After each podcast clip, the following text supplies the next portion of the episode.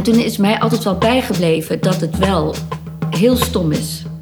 Dat je zo modern afscheid van je publiek neemt. Ja. Maar ik vond het met z'n allen eten aan die tafel. Tijdens de afwas, tijdens het eten, tijdens wandelingen. Wanneer heb je de beste gesprekken vaak? Als je iets onderneemt en wat doet met elkaar. Kijk uit. Vanaf hier word jij geïnspireerd. In gesprek met uiteenlopende creatieve geesten ga ik op zoek naar de rol van creativiteit in hun leven. Mijn naam is Jikke, fotograaf, host van deze Creative Boost podcast en de website creativeboost.nu. Creativiteit maakt mijn leven completer. Hoe is dit voor mijn gast van vandaag?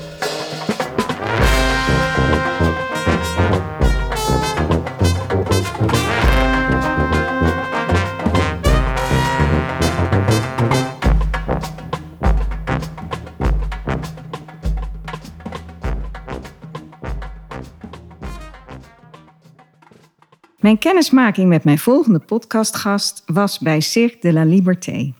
Mijn moeder zei jaren geleden dat wij daar naartoe moesten. Ze vond het echt iets voor ons en dat was ook zo.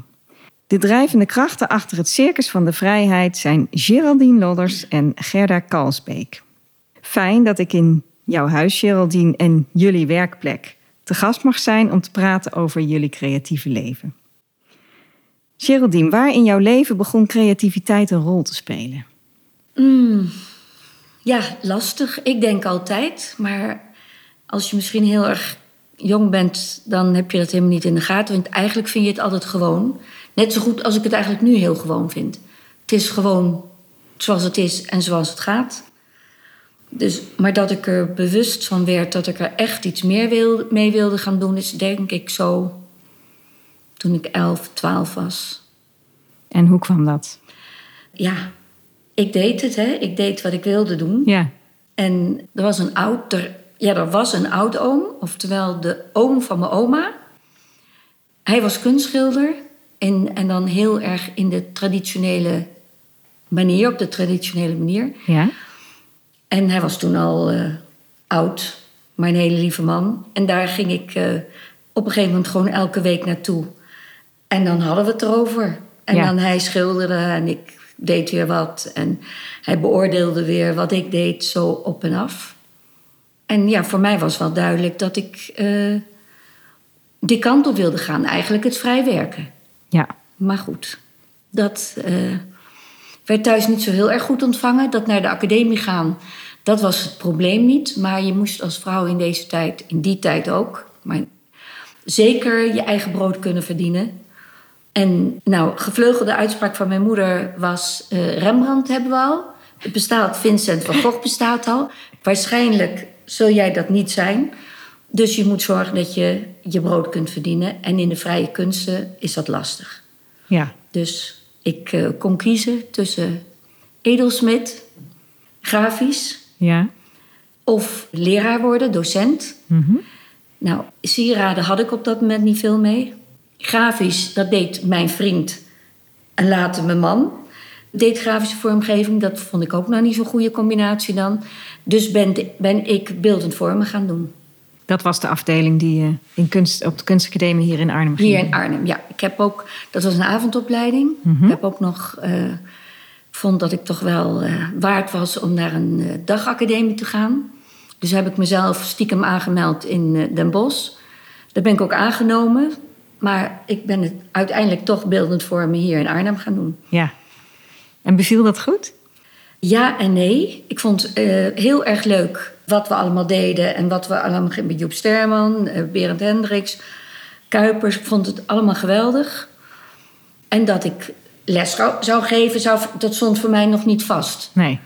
Ik, in die tijd eh, moest ik natuurlijk ook mijn brood verdienen. Dus werkte ik of eerst bij V&D als vliegende brigade. Zo daar waar druk was, eh, daar mocht ik naartoe. En daarna ben ik eh, in de kantine van de Gelderlander in Nijmegen gaan werken. Gewoon eh, koffie, Ja. broodjes smeren. En daar had ik wel het besef van, ja, dit ga ik toch niet heel erg lang doen. Dus als ik nou maar zorg dat ik les kan gaan geven, dan kan ik in ieder geval op een aardige manier mijn brood verdienen. Ja, en dat ben ik gaan doen. En ik ben ook aan het werk gegaan voordat ik mijn eh, diploma had. Maar ja, ik denk dat ze het wel leuk vonden dat ik kwam. Ja, nou, dat is ook een mooie bijbaan. En daarnaast dan inderdaad die studie. Dat, Ja, eh, nee, dat, dat ging klinkt heel als goed. een goede tijd. Dat ging heel goed. En ik heb tien jaar uiteindelijk eh, heb ik in het middelbaar onderwijs lesgegeven. Hier in Arnhem, ja. in Deventer, dependance in Apeldoorn. Ja, Wat voor lessen gaf je? Ja, beeldend vormen. Ja, in, brede, breedste zin van het woord. Zeg maar. zin van het Ja, woord. oké. Ja, ja. En maakte je ook je eigen werk toen? Ik heb, wel, ik heb wel geschilderd in die tijd en andere dingen gedaan. Nico was al voor zichzelf begonnen en daar deed ik ook het nodige. Mhm. En, en dan begin je keurig, mag ik degene zijn die de cijfertjes invult. Maar on- dat ging steeds verder. Ja. En na tien jaar dacht ik, wordt een beetje veel. Ja. Twee kinderen, baan het onderwijs en werken met Nico samen. Dus toen heb ik heel bewust gekozen om bij hem in zijn bedrijf verder te gaan. Ja. Ah, dat was een mooie combinatie. Ja, heel goed. Een hele goede combinatie. Want ja. hoe verdeelden jullie het werk een beetje? Eh, als ik het eh, simpel zeg, dan is, eh, was Nico de art director, de grote lijnen. Ja? En hij was natuurlijk ook de letterneuker. en, eh, precies. Ja, en, tegen, ehm, en ik was degene in ieder geval die zich sterk eh, kleuren of vormen of ruimtelijk werk deed. Dat deed ik.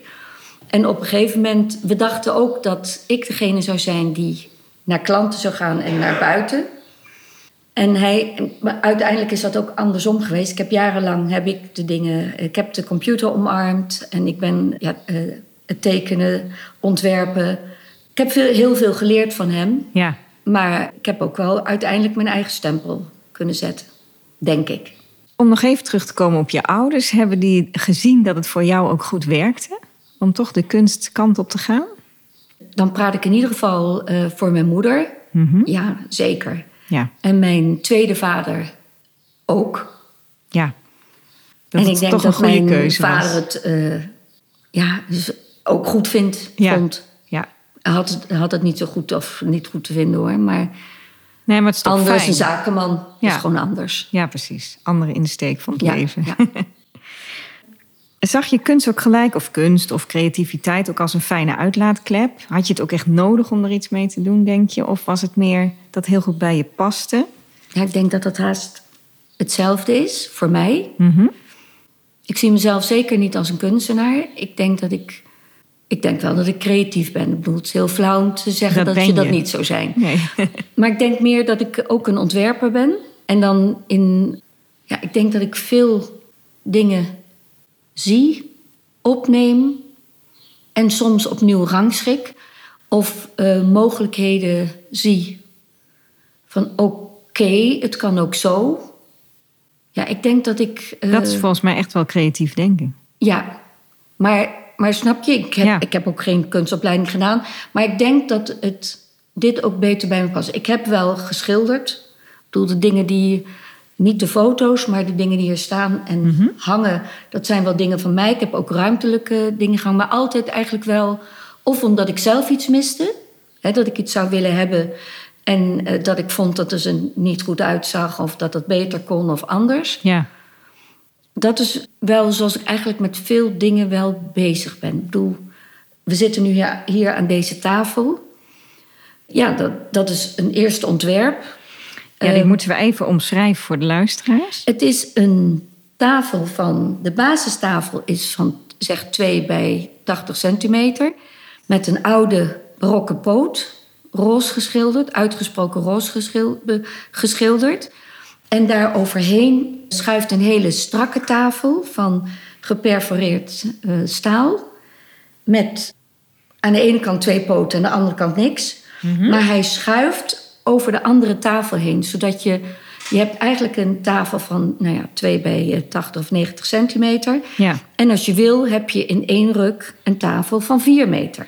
Ja, en het is mooi dat het is, het is modern en wat klassieker tegelijk. Maar dat klassieke is toch in een knalkleur. Ja, Waardoor het een extra eh, laag heeft. En ehm, het is eigenlijk modern, eh, oud. eh, de, dus er is contrast in kleur, er is contrast in materiaal. en het is functioneel. En het is functioneel. ik, Want Ja, het andere we gedeelte hebben is wel zwart. vaker met veel mensen gegeten. Ja. Nou, dan haalde je weer een oude deur. En weet je wel, dan eh een heleboel.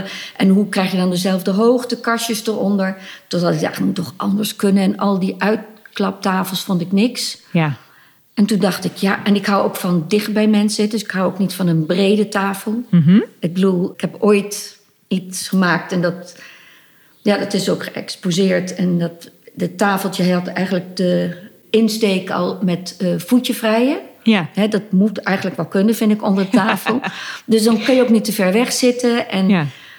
Ja. zo kom ik dan van, hoe ga ik dat doen? Kijk, en dit is ook de eerste, dus die is ook best wel beschadigd. En die heeft een barokke poot.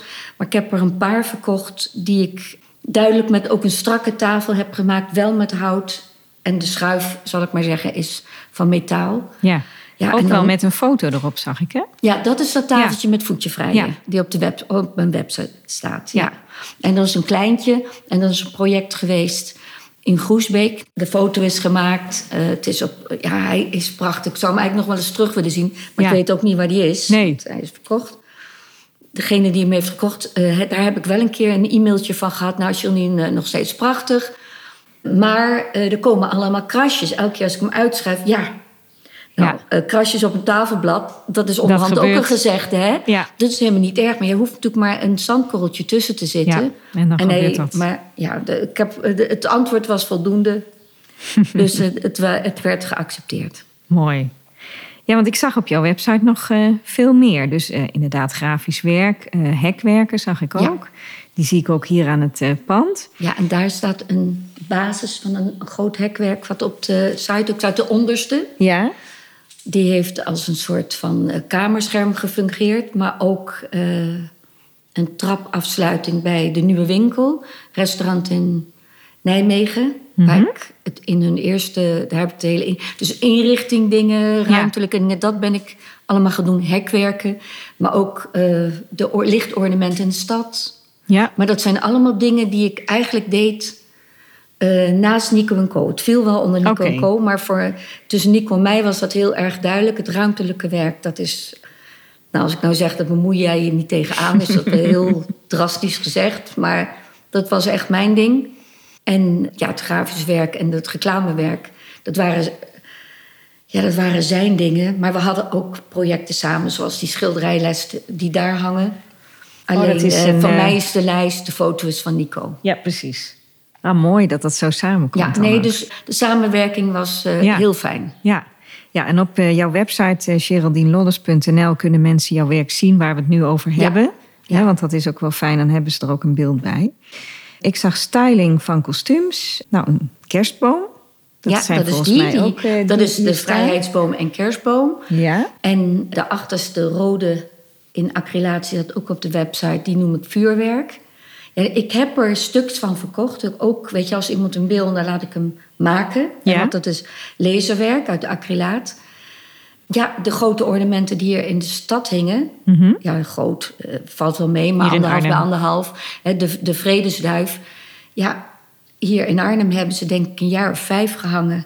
En eh, ze zijn ook aangekocht, eh, niet door de stad Rome, maar wel door mensen in Rome. Hangt in Florence, Oh, Capri. Ik bedoel, het is wel, dat is wel leuk. ja dat, Dat maakt is voor een mij reis. heel leuk. Ja. Oh, geweldig. En eh, ik zag ook de Arnhemse Piet.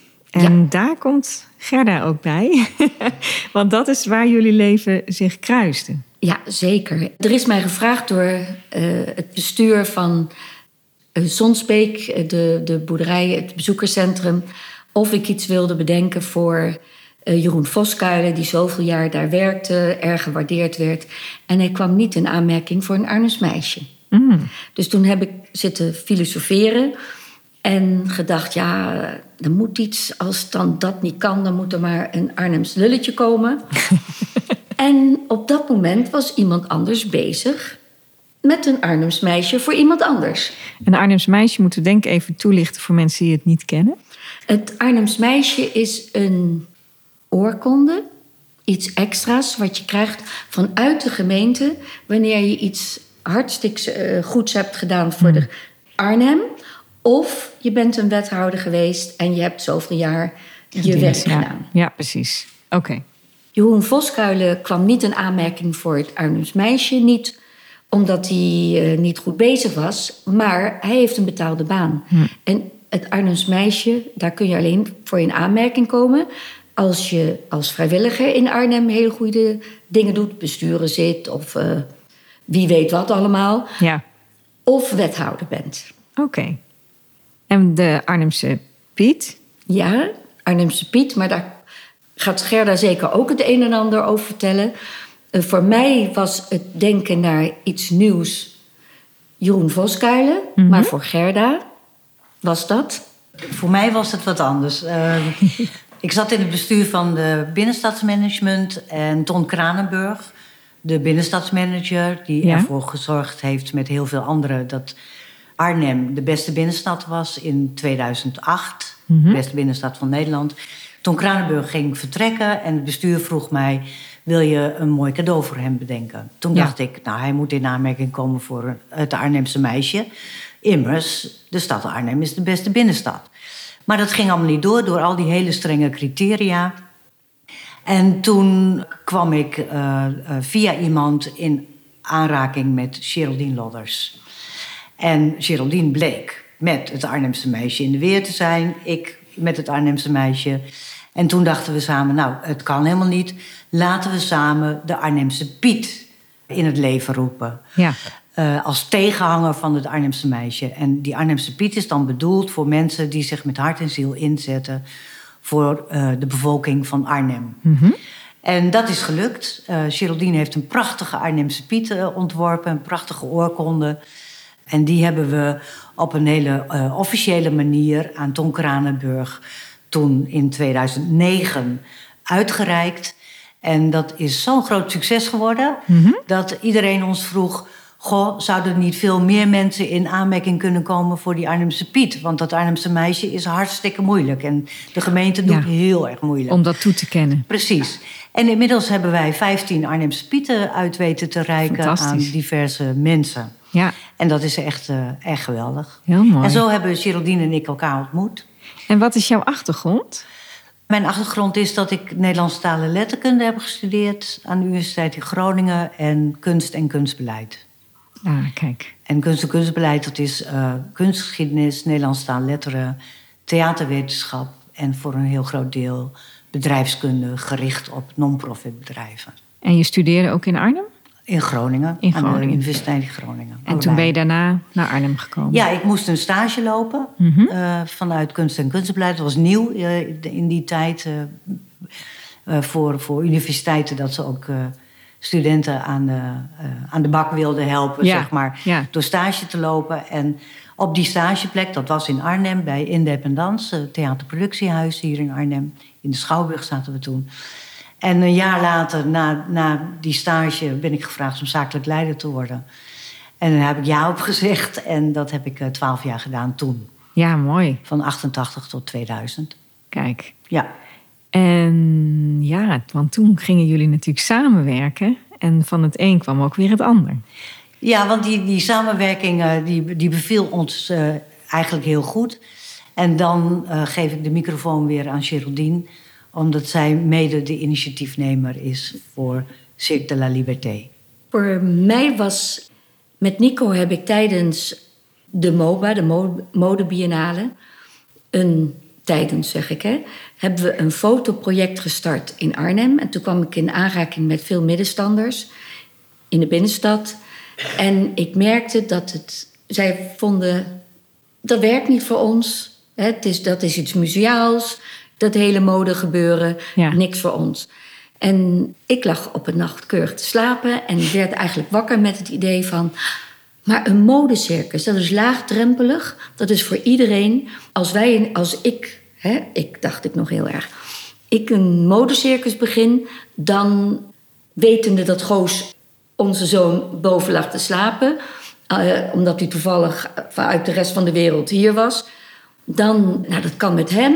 En als dan iedereen die daar naartoe wil en het valt onder de modebiennale, dan heeft iedereen toch het gevoel: het is ook iets voor ons. Oh, mooi idee. Vond ik ook zelf. en toen dacht ik, dat ga ik tegen een aantal. Ik, dit, dit moet bij mij of bij ons blijven. Hè? Bij, Ja. bij Goos, bij mij.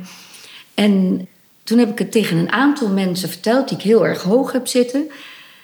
En daar was Gerda er één van. Ja. En ja, waarom, ik wil nog wel even vertellen, het mocht echt niet weglopen, dit idee. Ja, Dus toen dacht ik, kies, zelf, ik kies zelf, als ik het gewoon maar even opper, dan zullen er vast, vast mensen zijn die denken, dat is een leuk idee, ga ik doen. Ja, Dat wil ik niet. Ik, Nee. ga, het, ik, hou het, ik ga het eerst vertellen tegen mensen die ik vertrouw. En ik hou, dit hou ik vast. En nou, ik legde het ook voor bij Gerda. En zij zei tegen mij... Nou, ik vind het een heel goed idee. Wil je het niet met mij doen? En toen dacht ik, nou, dat wil ik. Klaar. Ja. Gaan we doen. nou wat top. Je zoon Goos ging vroeger naar de circusschool De Gazellen in Arnhem ehm, van Martin Verheijen. En zijn zoon, van zijn zoon Willem, hoorde ik dat zijn vader al vroeg zag dat Goos talent had. Ja, en dat geldt ook voor Constant Geerling. Hè, degene die het eerste eh, Wereldsterrencircus in de Rijnhal organiseerde. Goos was drie en ging met ons mee naar Circus Kronen. En eh, hij zat op schoot. Hij was, ja, hij werd eigenlijk eh, drijfnat en trok zijn kleertjes uit. Zat alleen nog maar in een spijkerbroek. En het was niet een kind die eh, zich vaak uitkleedde, zal ik maar zeggen. Hè? Ja, Hij was he- het was het helemaal, de hele zomer die daarop volgde. Hij was een clown, drie jaar. Hè? zijn, zijn, had een groot shirt van Nico aan, eh, ingeknipt. Dat wapperde als een, eh, als een cape achter hem aan. Zo'n zo'n Italiaans belachelijk klein badmutsje... wat eh, Italiaanse mannen schijnbaar vroeger veel droegen. dat, was een, dat hoorde erbij. ja. Clown, altijd. Zat er gewoon helemaal in. Altijd. Hij was altijd clown. En ik weet dat hij één keer meer mee naar vrienden ging. Naar een circus, op- naar een, sorry, naar een carnavalsoptocht. En toen ging hij dus als clown. En onze dochter eh, Pom, zijn zusje, die ging toen als de gelaarsde kat. Ik denk dat hij, nou, zij was denk ik vier, vier en hij was acht. En eh, terug in de auto zei hij: Ik ga nooit meer als clown. Nee? Iedereen die daar rondloopt denkt dat hij een clown is. Ze zijn verkleed. Ik eh, trek de volgende keer wel een boerenkiel aan. Geweldig. Dus hij altijd, altijd. En toen was er bij de Gazelle, hè, Martin, Martin Verheijen, zocht een clown voor in zijn kindercircus. Ja. En dat die had iemand gehoord op de radio. En die zei tegen mij, Geraldine, dat is, dat is iets van Goos. Nou, Goos er naartoe. Wij, ik ging mee. En hij moest toen eh, op een, eh, even op een eenwieler zitten. En Martin deed het voor. En Goos eh, nou ja, deed het na. Had van zijn leven nog niet op een eenwieler gezeten. En, en dan kreeg goed. balletjes. En de Goos stond er een beetje zo mee te... Nou, oké, jong leren. Had hij ook nog nooit gedaan. Niet officieel. Nee, Hij had nee, dingen precies. wel uitgeprobeerd, maar niet... Ja. Hij was negen. Ja. Niet van, eh, doe mij eens even... eh, ik google even hoe ik moet... Nee. eh, dat was nog niet. Nee, precies. Dat was er echt nog niet. En Constant was daarbij, Constant Geerling. En Goos moest een act doen. Of er werd gevraagd, nou laat eens wat zien. Ik weet niet meer wat hij precies deed. Ik weet wel dat hij rond ging lopen en al die kinderen. En na een uur kwam Goos zo weer bij mij in de buurt. En die zei, wat denk jij? Ik zei, geen idee. Ik weet het niet. Ja, moet, moet ik nog iets meer verwachten? Ik heb geen idee. Ik zei, ik zal het vragen. Dus ik zei tegen Constant, Constant, wat denk jij? Moet hij nog wat doen? Eh, Ja. Wat vinden jullie ervan? Want ja, je moet niet vergeten, voor mij is het mijn eerste kind. En ik vind het allemaal wel normaal. Toch? Ja, ja, ja. En die zei tegen mij, ja, dat hadden, we, dat hadden wij, dus Martin en Constant, al, dat hadden we al in de eerste minuut gezien. Goos is een clown. Ja, hartstikke leuk. Dus hij heeft dat eigenlijk het laatste jaar, dat, dus niet zo ontzettend lang daar gezeten. Laatste jaar, de, half jaar, iets langer, dat Martin die, dat kindercircus had, heeft Goos daar gezeten. Ja. Ook Pom heeft daar nog draadlopen geleerd en op een grote bal. Oh, leuk. Ja. Dat was helemaal perfect. En met Constant is die dat jaar, toen hij dus zijn eerste cir- kerstcircus had, is die, werd gevraagd van mag Goos meedoen, alleen in de middag. Ja, wij vonden het allemaal goed, wel oppassen met de, want er waren nog wilde dieren. Dus Oh, eh, ja. Nico of ik zijn, een van ons twee ging sowieso mee. Nou, en dat alleen in de middag, s s'avonds, of sa- Goos vond het geweldig. En, Con, en Constant vroeg, kan die s'avonds ook? Ja, ik zei, als hij wil, Ja. en we zien dat hij het aan kan en niet... eh, Ik bedoel, we zijn echt niet van die pushers. Als hij het wil, wij vinden het oké. Ja. Maar ik had wel een soort van angstdroom gehad dat Goos aan het jongleren was en achteruit liep en dat dan een leeuw zo met zijn poot door de tralies, want het stond allemaal achter in de, in de hal, hè, er, er zo door zou trekken. Dus één van ons twee was, er altijd. Ja. Maar Constant had het wel zo voor elkaar dat Nico wel een keer de paarden opving achter de gordijnen. En mij stond die, eh, stopte hij met een volgspot eh, ergens bovenin. Van dat doe jij maar. Ja. Oké, als er maar niks. eh, En meehelpen. Ja, heel leuk. Oh, mooi. Goos is ook naar Cirque du Soleil geweest. Ja, hij heeft eerst toen hij 18 was, heeft hij auditie gedaan, of moest 18 worden, 17 was. Toen hij auditie ging doen bij École Nationale du Cirque in Montreal. En daar is hij het jaar daarna aangenomen. Omdat ze eigenlijk nemen ze altijd maar één clown aan. En hij was nog 17. Hij zei: laat hem volgend jaar weer auditie doen. Hij moet wel weer auditie doen, maar toen is hij dus ook gelijk aangenomen. Maar in die tussentijd heeft Wil van Oni Dansen... is met hem eh, salto's gaan leren maken. Want al die dingen kende Goos niet. Hij Nee, is dus ook op ballet gegaan. Ja. Hij heeft een voorstelling meegemaakt met Wil. Dus heeft zich ook een jaar lang echt daar heel erg toegelegd van... oké, dat is niet alleen clown zijn in je hoofd... maar dat is ook, als je daar naartoe gaat in Montreal... moet je ook fysiek er klaar voor zijn. En je moet ook Frans spreken. Dus dat is die dat jaar allemaal gaan doen. Zo, goede voorbereiding. Hele goede voorbereiding. Mooi. Eh, je andere kind, je dochter, Pom. Is zij ook creatief? Ja dat, is ze zeker. Zelf vindt ze dat ze wat minder bekaiserd is als haar vader en als Goos. Maar ze is een hele mooie beelddenker.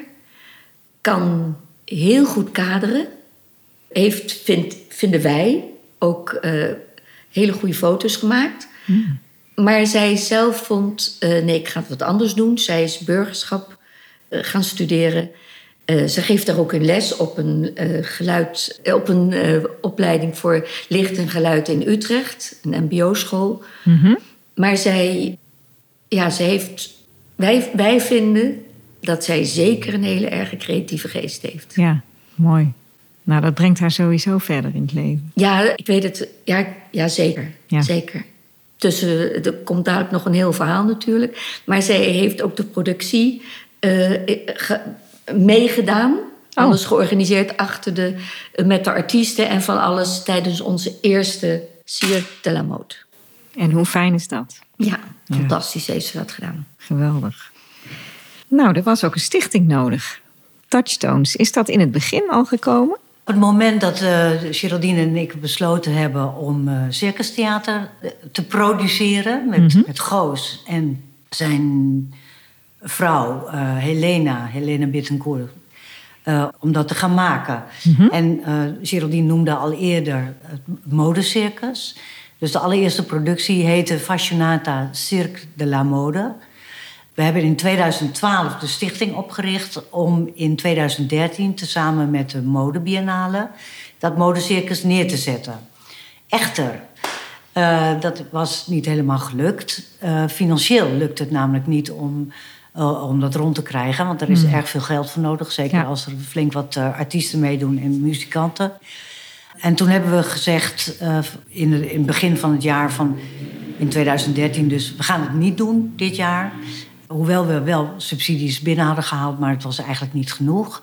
En toen heeft de gemeente Arnhem, Michiel van Wessem, toenmalig wethouder, gezegd: Ja, maar wij vinden het als gemeente een geweldig goed idee. Doe het dan volgend jaar. Ja. En dat hebben we toen in 2014 gedaan. Dat was de allereerste in de Eusebius, in Ja. de kerk. Ja. Hebben we twaalf voorstellingen gegeven voor 250 mensen publiek per voorstelling. En dat was zo'n groot succes dat Geraldine en ik elkaar aan hebben gekeken en tegen elkaar hebben gezegd van gaan we door? Ja, we gaan door, want we vinden het hartstikke leuk. Ja. En in dat jaar moesten natuurlijk ook weer subsidies worden aangevraagd, et cetera, voor het jaar erop, want dat wilden we heel graag doen. En toen hebben we bedacht in december, eh, het moet geen Cirque de la Mode meer heten, maar Cirque de la Liberté.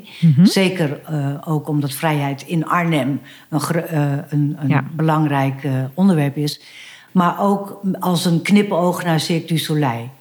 En vrijheid is voor Geraldine en mij van wezenlijk belang. En eigenlijk ook het grootste goed. Merken we natuurlijk helemaal heden te dagen. Maar eigenlijk toen ook al. Uh, alleen konden we niet bevroeden toen we dat in december bedachten... dat in januari, februari de aanslagen in Parijs er waren. De Charlie Hebdo Ja. en al het gebeuren wat daaromheen zit. En wat eigenlijk door is gezet tot en met vandaag de dag. Hè? Mhm. Dat er vele aanslagen zijn, oorlogen, et cetera. Dat hebben we toen niet kunnen bevroeden. Nee. Maar Cirque de la Liberté, als het circus van de vrijheid... heeft ons tot nu toe ongelooflijk veel gebracht. Eh, en brengt de mensen ook heel veel, het publiek. We spelen met het Circus van de Vrijheid altijd in op eh, actuele thema's... die ook altijd in verbinding staan met vrijheid. Op Ja. wat voor manier dan ook. En ja, en dat gaan we ook eh, de komende jaren doorzetten. En we kunnen vandaag spreken eh, van een jubileum. Want we, hebben, we gaan eh, eh, van 21 juni tot en met 9 juli... Machtig Cirque de la Liberté presenteren. En eh, dat is de tiende Cirque de la Liberté. En machtig, is dat speciaal gekozen voor de tiende editie? Dat is De benaming. eh, een beetje een toeval. We, wij, wij spreken altijd met Goos en Lena over wat gaan we in de toekomst doen. En Goos en Lena hadden- op hun verlanglijstje staan... The Great Dictator van Charlie Chaplin... om dat als inspiratiebron te gebruiken.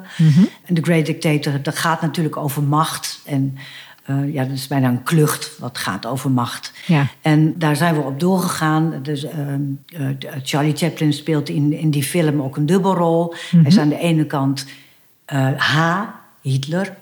En aan de andere kant is hij een Joodse barbier. Ja. Die dubbelrol. En die dubbelrol hebben we doorgevoerd in deze voorstelling. Goos en Lena spelen een dubbelrol.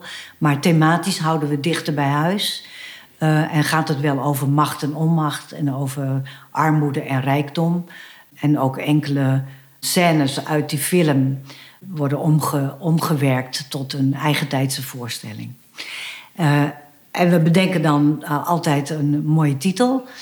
En aangezien het over macht gaat, dachten wij: als we machtig doen, dan is het machtig mooi. Ja. Het gaat over macht. Dus heel vaak heeft onze, hebben de titels die wij kiezen dubbele betekenis. Mooi. Zo hebben we een paar jaar geleden Blues gehad. Mhm. Blues Cirque de Ja. la Liberté. En het ging over de misstanden in de kledingindustrie. Nou, blues is een blues. De blues, dat, dat, is, een, een wat, ja, dat is een bepaalde muzieksoort natuurlijk... die Ja. ook de traan opwekt. En dat is ook weer de traan die eh, verband houdt met de misstanden in de kledingindustrie en zo. En de olifanten. En de olifantentranen, absoluut. Dus op, op een of andere manier maken wij allerlei verbindingen, zeg maar, om, om tot zo'n titel te komen, tot de voorstelling te komen, om actueel eh, in te spelen op dat wat er speelt op dat moment. En de verbindingen gaat nog eens door, omdat we ook bijvoorbeeld een maaltijd serveren. Spaghetti met olifantentranen in, de, in het oude aanvaardok aan de overkant van de Rijn. Ontzettend aan een- sfeervol. Ja, aan een 85 meter lange tafel. Daar kunnen 200 mensen samen zitten eten. En maaltijden verbinden. En je Mhm. zit ook heel vaak tegenover mensen die je niet kent. Waar je mee gaat spreken. Maar waar je ook aan vraagt... geef mij even het schaaltje met rucola door... om die spaghetti samen te stellen. Precies, ja. En dat verbinden vinden wij van groot belang. Mhm. Nou, en dan het Circus van de Vrijheid moet er ook voor iedereen zijn. En eh, tien jaar geleden hebben Geraldine en ik ook tegen elkaar gezegd van... het moet er ook voor iedereen zijn. Hoe doen we dat? Ja. We geven duizend vrijkaarten weg aan mensen die geen geld hebben. Mooi. Cliënten van de voedselbank. eh, geen geld hebben om een ticket te kopen. Ja, snap ik. Ja. Dus cliënten van de voedselbank, vluchtelingen. En, en je ziet ook, er komen steeds meer vluchtelingen. Dus die gunnen we ook een fantastische avond of middag Ah, uit. Heel mooi dat jullie dat Ja. doen. Ja. Die maatschappelijke thema's wou ik nog een vraag over stellen. Want wie geeft daar de doorslag in? Ja, je vertelt al wel, jullie komen er echt samen toe eigenlijk. Hè? De terug, terugkerende thema, ja, dat is dat gevoel van vrijheid. Ik vind ook echt dat je dat heel goed merkt in de voorstellingen. Al zou je niet weten dat het Cirque de la Liberté heet. Dat het, eh, ja, de vrijheid van het spelen ook. Dus het gevoel wat je krijgt, zeg maar. En ik vind het zo mooi dat de ene keer is iets heel klein... en de andere keer is het heel uitbundig en alles door elkaar. En je wordt continu verrast met live muziek en zang. En inderdaad clownesk natuurlijk, maar ook veel acrobatiek. Ja, het, je wordt je- dan komt er weer een auto en dan val- stort er weer iets in elkaar. En dan is het weer ineens heel klein dat er puur een act is waar verder niks omheen gebeurt. En die diversiteit, ja, dat vind ik gewoon heel mooi eh, eh, als beleving vanuit het publiek, zeg maar. En de olifant. Kun je daar iets over vertellen? De opblaasbare grote grijze olifant. Ja, is fantastisch, hè? Ja, Heel lang geleden ben ik met Goos en Pom naar een circus geweest, Italiaans eh, El Floricchio. En aan het eind van de voorstelling daar kwam de Italiaanse mama met een grote aria, een grote pan spaghetti. En de artiesten brachten een tafel in de piste. Ze gingen er allemaal aan zitten, draaiden het publiek de rug toe ja, en gingen zelf spaghetti zitten eten. Een paar mensen in het publiek kregen ook een bordje, waaronder Goos. Toeval, hè, toeval. Want we kenden ze niet. nee. En toen is mij altijd wel bijgebleven dat het wel heel stom is. Dat je zo hotel afscheid van je publiek neemt. Ja, Maar ik vond het met z'n allen eten aan die tafel.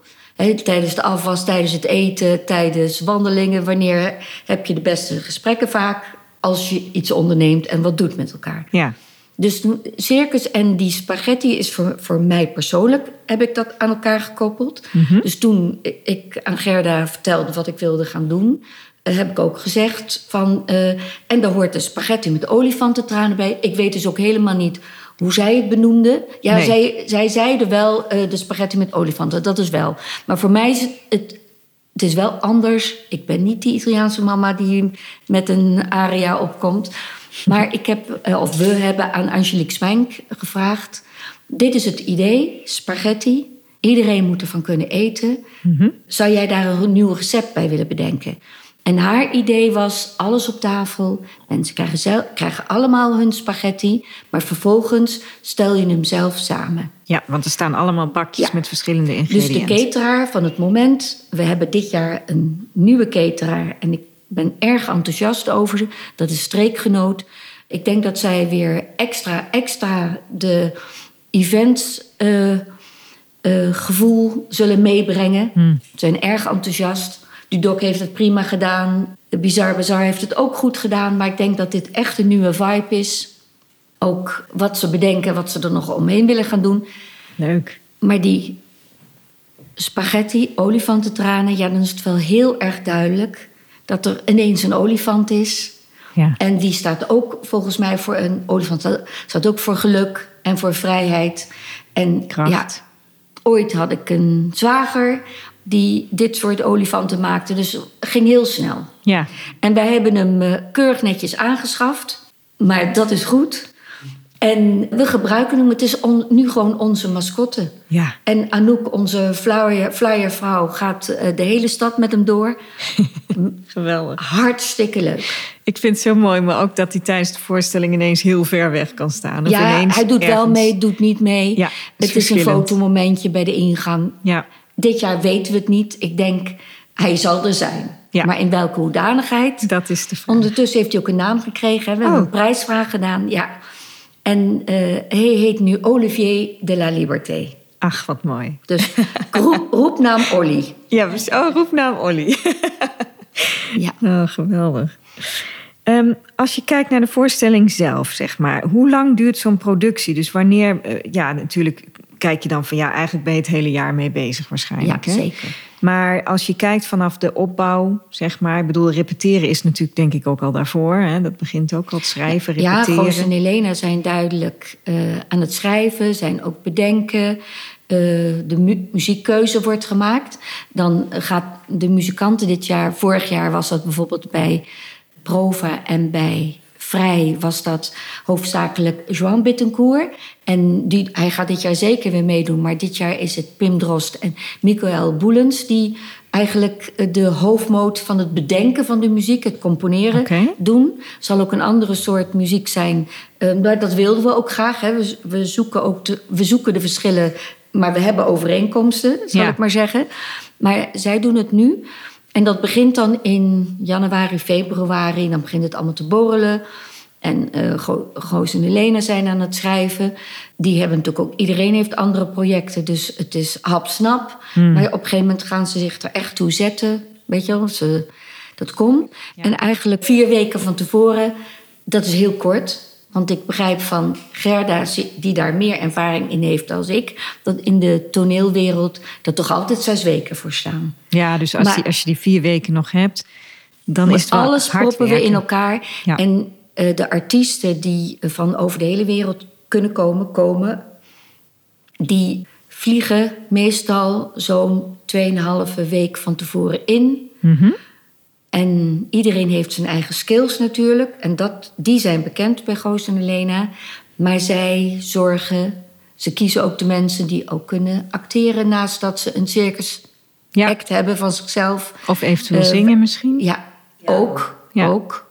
Maar dat is zeker ook Helena Ja. hè, bij ons. Ja. En zij, we weten al wat voor kostuums. Dat eh Gregory eh, Bolder doet dat samen met mij. Weet je, wel. dus eh, de decors spreken we door eh, met Goos en wordt weer uitgewerkt door ons. Dus zo is het wel een. Iedereen heeft zo zijn taak iedereen door de heeft jaren zijn taak. heen. En, ja. eh, maar nu, het werkt zoals het nu werkt. ja. En werken jullie vaak met dezelfde mensen die in de voorstelling spelen? Of die bijvoorbeeld zingen of voor de muziek? Of dat wisselt ook wel, toch? Ja, in het begin heeft Lavaloon meegezongen, Mhm. zal ik maar zeggen. Hè? Meegedaan, meegezongen, naast met de erker. En, maar op een gegeven moment, ja, iedereen heeft een ander project. Ja, je maakt je keuzes. Dus Miguel is eigenlijk na Mette erin gekomen. Helene heeft altijd haar eigen Ja. lied gehad. Dat heeft ze weer. En, maar Miguel Boelens is vast. Joan is vast. Dit jaar doet Pim mee. Ik weet niet hoe dat voor volgend jaar is. Kan, kan best Ja. dat we dan weer complete wissel hebben. Maar er is wel... We hebben wel een heel ook. mooi team. Ook Ja. qua techniek nu om ons heen. Al- altijd wel gehad. Maar Mhm. dit lijkt erop dat dit een soort van steady gaat worden. Ja. Weet je, wij kunnen niemand een hele baan aanbieden, of Nee. een, hè, maar wel, Maar wel per project. En, Ja. en de sfeer ziet er, zit er heel goed in.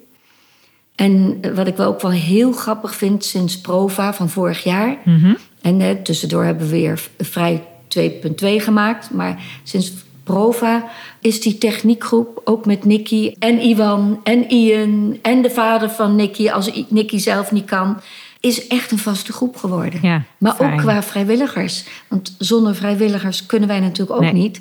De gastheren, gastvrouwen. Ook heel graag de showers. Dus als mensen zin in hebben, meld je. Want het Hulp is is echt wel altijd welkom. gezellig. Hulp is Ja. altijd... Ja, en ook Olaf van Mente, helemaal top. Oh, mag ik niet vergeten, de Stadsblokkenwerf. Die varen voor ons. Mhm. Ook, ook dit jaar natuurlijk weer. En daar ook zitten daar mensen die als wij zeggen van... hoe moeten we dit nou weer voor elkaar krijgen technisch? Altijd hulp, altijd... Ja, ik hoop, Altijd dat we, het- meedenken. we ook, ik hoop dat we het voor hun ook goed doen. Ja. Hè, maar dat, dat proberen we wel. ja.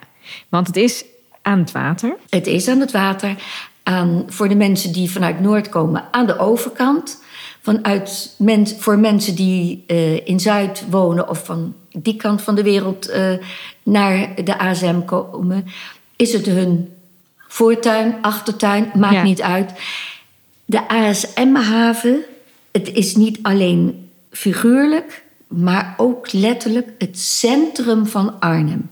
Het centrum van Arnhem-Noord en Arnhem-Zuid. Tussen twee bruggen Ja. die, benoemd, hè, die vernoemd zijn naar de vrijheidsstrijders die in deze wereld... Ja, kan niet missen, hè? Nee, Kan niet missen. mooi. Hele goede plek. Hele goede plek. Heel sfeervol. Helena, de vrouw van Goos. Kan je daar nog iets over vertellen? Jazeker. Ik hou van haar. Maar buiten dat is zij een hele goede zangeres. Een fantastische acrobate. Ook clown character ondertussen, denk ik. Ook een actrice heel goed. Kan prachtig zingen. Ik weet niet of ik al in herhaling val. Maar samen met Goos, zij heeft in, is een Braziliaanse. Zij komt uit Rio.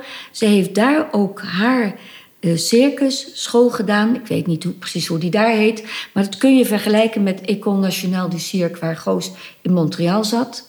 Ze komt ook uit eenzelfde soort gezin als waar Goos uit voortkomt.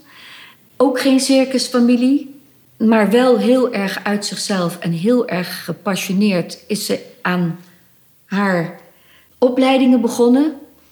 En dat doet ze heel erg goed. Ze heeft met Barnum Bailey is zij meegereisd in die, uh, ik denk dat iedereen dat nog wel weet, zo'n circustrein waar uh, die van de ene plaats in Amerika naar de volgende plaats gaat. Uh, ze heeft, ik dacht, op Madison Avenue in een grote parade op een olifant door New York. Nou, ik vind het ontzettend romantisch. Uh, dat heeft ze gedaan. Wow. En Goos en Helena hebben elkaar ontmoet. Ik dacht dat het Taiwan was. Bij een groot circus-event. Uh, zij deed haar ding, Goos deed zijn ding. En degene die de productie deed daar, dat was James. En James zei tegen Goos... nou, volgens mij heb jij nog even voor die en die, uh, dat en dat ding... een sidekick of een assistent, eigenlijk een assistente nodig. Ja. Nou, en volgens mij uh, zou Helene Bittenkoer dat prima kunnen zijn. En ik denk dat toen het vonkje uh, overgeslagen is... Wow. en twee jaar daar, daar, dus ze zijn elkaar wel blijven volgen... En na twee, drie jaar is het een echte relatie geworden. En wij wij, de familie Meeuwse Lodders, is heel erg blij met Helena. Want ze is niet alleen. Ze is gewoon een fantastisch mens. Ja. En met z'n tweeën. Ze doen de regie, ze, doen, ze schrijven, ze regisseren, ze spelen alle twee. Ze maken films, ze spelen in een theaterstuk, Bianco su Bianco. Uh, ja, en ze spelen top. heel mooi samen. Ze ik. spelen heel mooi samen. Ja. En uh, ze knallen ook wel eens samen, maar dat hoort erbij. Dus het zijn twee creatievelingen die heel goed samen hun passie delen. Prachtig. En, uh, want jullie hebben niet alleen de zomervoorstellingen, maar ik ben bijvoorbeeld uh, in coronatijd uh, ook in Rembrandt geweest. Dus er zijn ook af en toe extra voorstellingen. Ja, Goos en Lena hadden ook op hun verlanglijstje staan een film van Fellini. Prova d'Orchestra heette die film.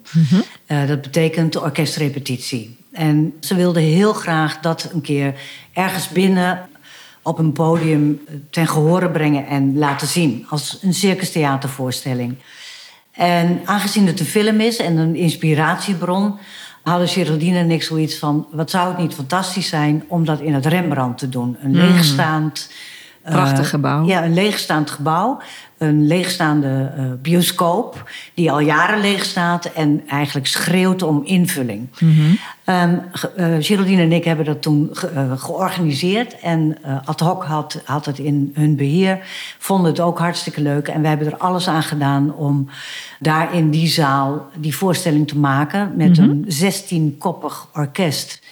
Waarvan een aantal circusartiesten ook een instrument bespeelde en ook een aantal muzie muzikanten, muzici, ook, ook een aantal studenten van Artes, Ja. die uh, tevens konden acteren. En dat hebben we uiteindelijk gedaan in februari vorig jaar. Dat zouden we veel eerder doen, maar door corona werd het uitgesteld en uitgesteld.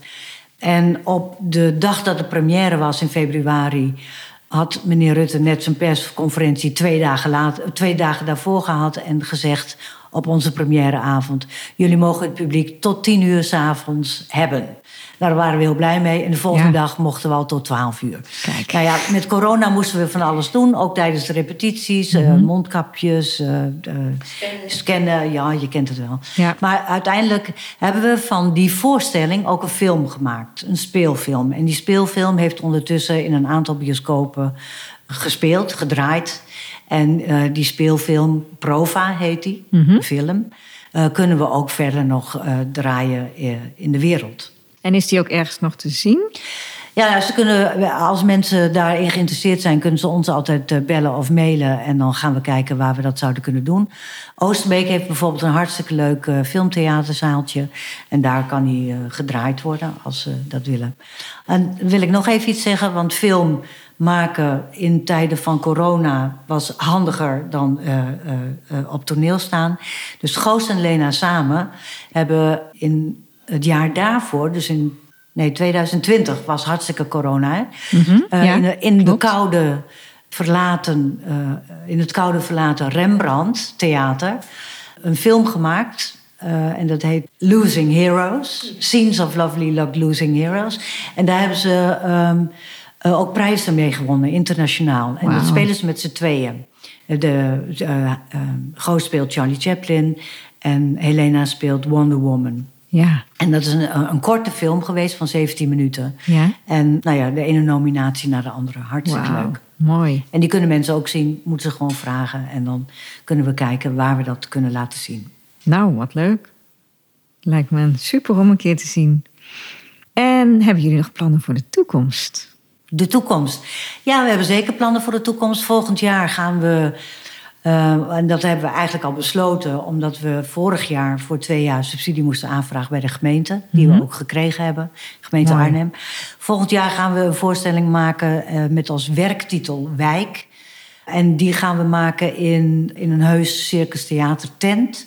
We kunnen namelijk niet meer dan aan het water op locatie spelen, omdat uh, de projectontwikkelaar dat gebied gaat uh, uh, saneren en herinrichten. Daar, daar komen huizen, et cetera. Ja. Maar op het evenemententerrein, vlak bij de John Frostbrug, daar mogen wij dan uh, staan. En dan gaan we in een heuse circus tent wijk maken. En wijk heeft weer een dubbele betekenis van een nieuwe wijk. Ja. Maar ook wijk voor gevaar, wijk voor oorlog. Um, um, ja. Ook een maar mooi idee. allemaal een wijk. Ja, precies. Ja. En de, de toekomst daarna, daar zijn we aan het, over aan het brainstormen. We zitten wel over na te denken om ook de komende vier jaar uh, nog uh, door te gaan zoals we nu bezig zijn. Nou, wat goed. En jullie werken heel goed samen en spelen goed op elkaar in. Ja, ja. ja die combinatie van Geraldine en mij uh, is, is top. Ik heb het ook nog niet eerder zo meegemaakt. Hmm. Meestal werk ik wel met mensen samen waar, waar, waar, waarbij het goed voelt. Maar dit is een, dus een zodanige overlap van, van bezigheden ook die we hebben. Geraldine, de, de enorm creatieve, ook in het maken, in het ontwerpen, eh, in creatieve oplossingen vinden. En ik veel meer in het, in het schrijven. Niet alleen subsidieverzoeken, maar ook, ook PR-teksten. Maar ook in het nadenken over hoe kun je een concept zoals Goos en Lea, Lena dat bedenken, omzetten in een verhaal. Ja. Want je moet je voorstellen, er wordt ontzettend veel gepraat. Ja. Uh, maar er moet wel een heel degelijk verhaal worden. Ja. En nou ja, dat, dat, dat kan ik. En, uh, uh, om, om ook to the point te komen. Ja. En, en Geraldine en ik samen, wat betreft samenwerking... We, we, maken samen de begrotingen. We houden van geld om het uit te geven, maar ook om het binnen te halen. We houden ervan om met, met bedrijven, met mensen, met geïnteresseerden te spreken om zoveel mogelijk sponsoren binnen te halen. Ja. Op, op, alle gebieden. Dus het mag heel klein zijn. Uh, maar het gaat van wc-papier tot wat groters. Want Condor Wesselsprojecten, de projectontwikkelaar, mm -hmm. uh, sponsort namelijk uh, dat wij daar mogen staan. We hoeven geen huur te betalen. Ja. Nou, en al met al scheelt dat enorm veel geld natuurlijk. Ja, uh, maar maak, wat, wat, voor ons het allerbelangrijkste is, is dat we het met elkaar maken. Ja. En dat doen we niet alleen samen met z'n tweetjes, maar mm -hmm. dat doen we met, ik geloof wel 60 mensen voor zo'n project ja. uh, bij elkaar, elk jaar weer. Mooi, super. Is er nog iets wat jullie kunnen delen met de luisteraar aan inspiratie of een tip voor mensen die ook iets willen gaan organiseren in het algemeen? Ik weet niet of jullie dat wel eens gevraagd wordt. Ja, niet zozeer dat mensen het echt aan mij vragen. Wel, ja, of ik vind het, sorry, een stupide vraag, omdat ik denk, ja, sorry, dat ga je zelf maar even uitzoeken. Toch? Ik bedoel, soms vind ik dat je het gewoon zelf moet doen. Ja. Uh, en Kijk om je heen. Ja, kijk goed om je heen en omarm heel veel Mhm. en blijf bij jezelf. Ik denk dat je met na lees, kijk, luister naar muziek, leef, leef gewoon echt en ja, gebruik je talenten. En dan heb je een keertje zo'n gedachte. Ja, je, ja, ik denk dat het voor mij werkt het zo. Ja. Dus en voor jou, Gerda. nee. Ja, ik denk wat, wat ook ontzettend belangrijk is. Als het, mij wordt het wel, wel eens gevraagd. Maar het grappige is, wat Geraldine nu niet noemde, is dat Geraldine mij ook vroeg. Ja. Uh, ja, wil, wil je meedenken? Of ik heb een plan, wat vind jij ervan? En, en dan gaat het balletje rollen. Ja. Ik denk dat, dat dat heel erg belangrijk is. is om, om, om je plannen inderdaad, zoals Geraldine dat de jaren geleden deed, neer te leggen bij een aantal mensen. Wat vind jij ervan? We gaan eens brainstormen. Uh, kijk om je heen. En inderdaad, mensen die al iets gedaan hebben in de richting waar jij ook wat in zou willen doen, ga vooral veel praten Ja, eh, met die mensen en doe inspiratie op. Naast al het lezen, films kijken, eh, naar theatervoorstellingen gaan, et cetera. En dan kom je verder. Ja, en waar kom je verder mee? Ja. Je, je vroeg ook al eerder, wat, wat, heb je, een- wat, wat is je inspiratiebron of zo? En dan moet ik toch denken aan hoe groot de impact van zo'n woord ook is. Maar vrijheid Ja, is altijd weer inspiratiebron. Van, de grenzen ervan, eh, nou ja, het feit dat Oekraïne nu in oorlog is, ehm, dat, met ons doet dat ook heel erg veel. ja, En eh, hoe belangrijk vrijheid is. En hoe het kan schuren. Maar ook hoe ongelooflijk mooi het kan zijn om bijvoorbeeld eh, het Circus Theater met z'n allen te- de, de vrijheid te vieren, maar Ja. ook te delen dat je dit samen kunt gaan zien. Dat je samen plezier hebt, dat je samen die lach hebt en die traan hebt, eh, samen eet, samen beleven, is enorm belangrijk. En dat hebben we ook gemerkt ten tijde van corona, waarin we allemaal thuis waren en eh, kunst en cultuur noden misten. ja. En hoe belangrijk dat is om dat samen te doen. Mooi, wat zeg je dat mooi. Kan ik daar nog een voorbeeldje van geven? Zeker. Wij hebben heel bewust gekozen voor een bankentribune. Kijk, in coronatijd hadden we stoeltjes, kon niet anders, brandweer, gedoe allemaal. Ja, Maar het is niet alleen zo, want mensen kijken mij wel eens lachend aan, zo van dan kan je ze lekker doorduwen. Dat is het niet. Waarom wij voor bankjes kozen en niet voor losse stoelen, als je voelt als een ander lacht. Of als het andere emotie toelaat, dat voel je. Dan, Ja. dan ga je het nog meer met elkaar beleven. Ja, Dus hoe, het is niet zo dat als er, we weinig publiek zouden hebben... dat ik zou zeggen, ga maar lekker tegen elkaar aan zitten. Dat is ook flauwekul. Maar, maar als een bankje trilt... Ja, het kan natuurlijk heel irritant zijn als iemand een wip in de knie, knie heeft. Maar over het algemeen... Weet je, je, je voelt wat een ander ervaart. Ja. En dat is voor ons alle twee een hele bewuste keuze geweest... om voor een bankentribune te gaan. mooi. Ja, dat is wel een goede gedachte. Net zo goed als die 85 meter lange tafel waar, waar 200 mensen aan zitten eten. Ja. En het leuke is, we, we spelen elk jaar 18 voorstellingen in, in drie weken tijd. Altijd van woensdag tot en met zondag. Dit jaar doen we dat van 21 juni tot en met 9 juli. En als u het vandaag hoort, 23 juni is de premièreavond. Vanavond begint het om eh 9 uur. Eh, die 18 voorstellingen die zijn voor jong en oud, arm en rijk en mensen van alle culturen. Ja, en ik vind het ook echt een voorstelling, tenminste zo hebben wij het ook gedaan, dat je weer mensen meeneemt. Dus je bent er geweest en je denkt, wauw, dit moet die of die zien. We nemen iemand mee. Dus wij zaten af en toe ook met een, zelf al met een hele groep aan die lange tafel om te Ja. eten en, Ja. en natuurlijk de voorstelling te beleven. Ja, ja wat dat betreft, Cirque de la Liberté eh, nodigt uit om te delen. Ja, zeker. En, en dat eh, voeren wij zeg maar, op alle fronten door. Omdat Geraldine en ik het ook fijn vinden om te delen. Ja, prachtig. Nou, mooie laatste woorden. Mensen, ik adviseer jullie als jullie het horen, kom alsjeblieft kijken. Een betere tip voor inspiratie en heerlijk vermaak is er eigenlijk bijna niet. En dat hoort gewoon natuurlijk bij dit gesprek. Dus zoek de website op. Kunnen jullie die nog even noemen? Ja, www.cirquedelaliberté.nl Nog één kleine laatste vraag, Geraldine. Geniet je kleinkind Lua ook mee? Eh, nu wel. Zij, zij is nu zes, dan bijna zeven. Zij vindt het fantastisch. Zij klimt overal op en aan en hangt aan, aan iets waarvan je denkt... moet dat nou op vier meter hoog met één hand los en je benen spartelend? En dan vraagt ze aan mij, kan Helena dat ook? Zo van, ben ik net zo goed? Dus dat is heel erg leuk. En toen ze kleiner was, vond ze de muziek erg emotioneel. En als, dan, dat vond ze las, of lastig. Dat emotioneerde haar heel erg. En als eh, Goos Helena een, eh, een map gaf, dan was ze heel erg verbaasd. Want hoe kan, waarom slaat haar Waarom oom haar tante?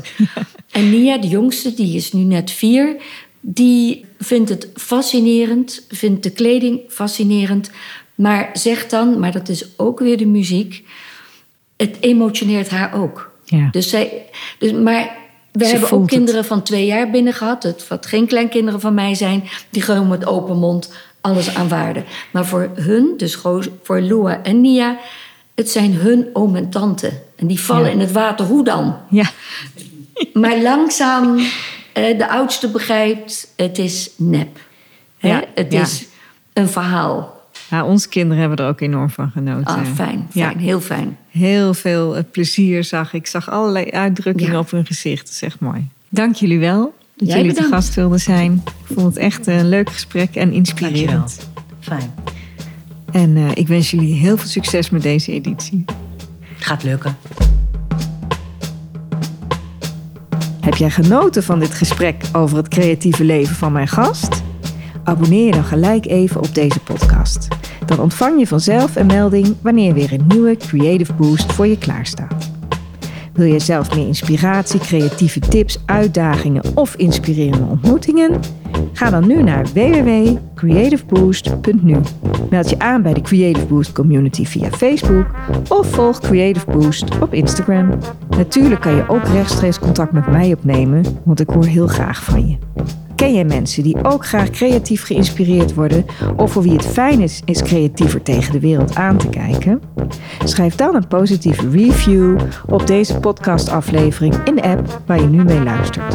Of deel de podcast als luistertip bij je vrienden, familie, werkrelaties, op social media of door te klikken op de drie puntjes in deze app.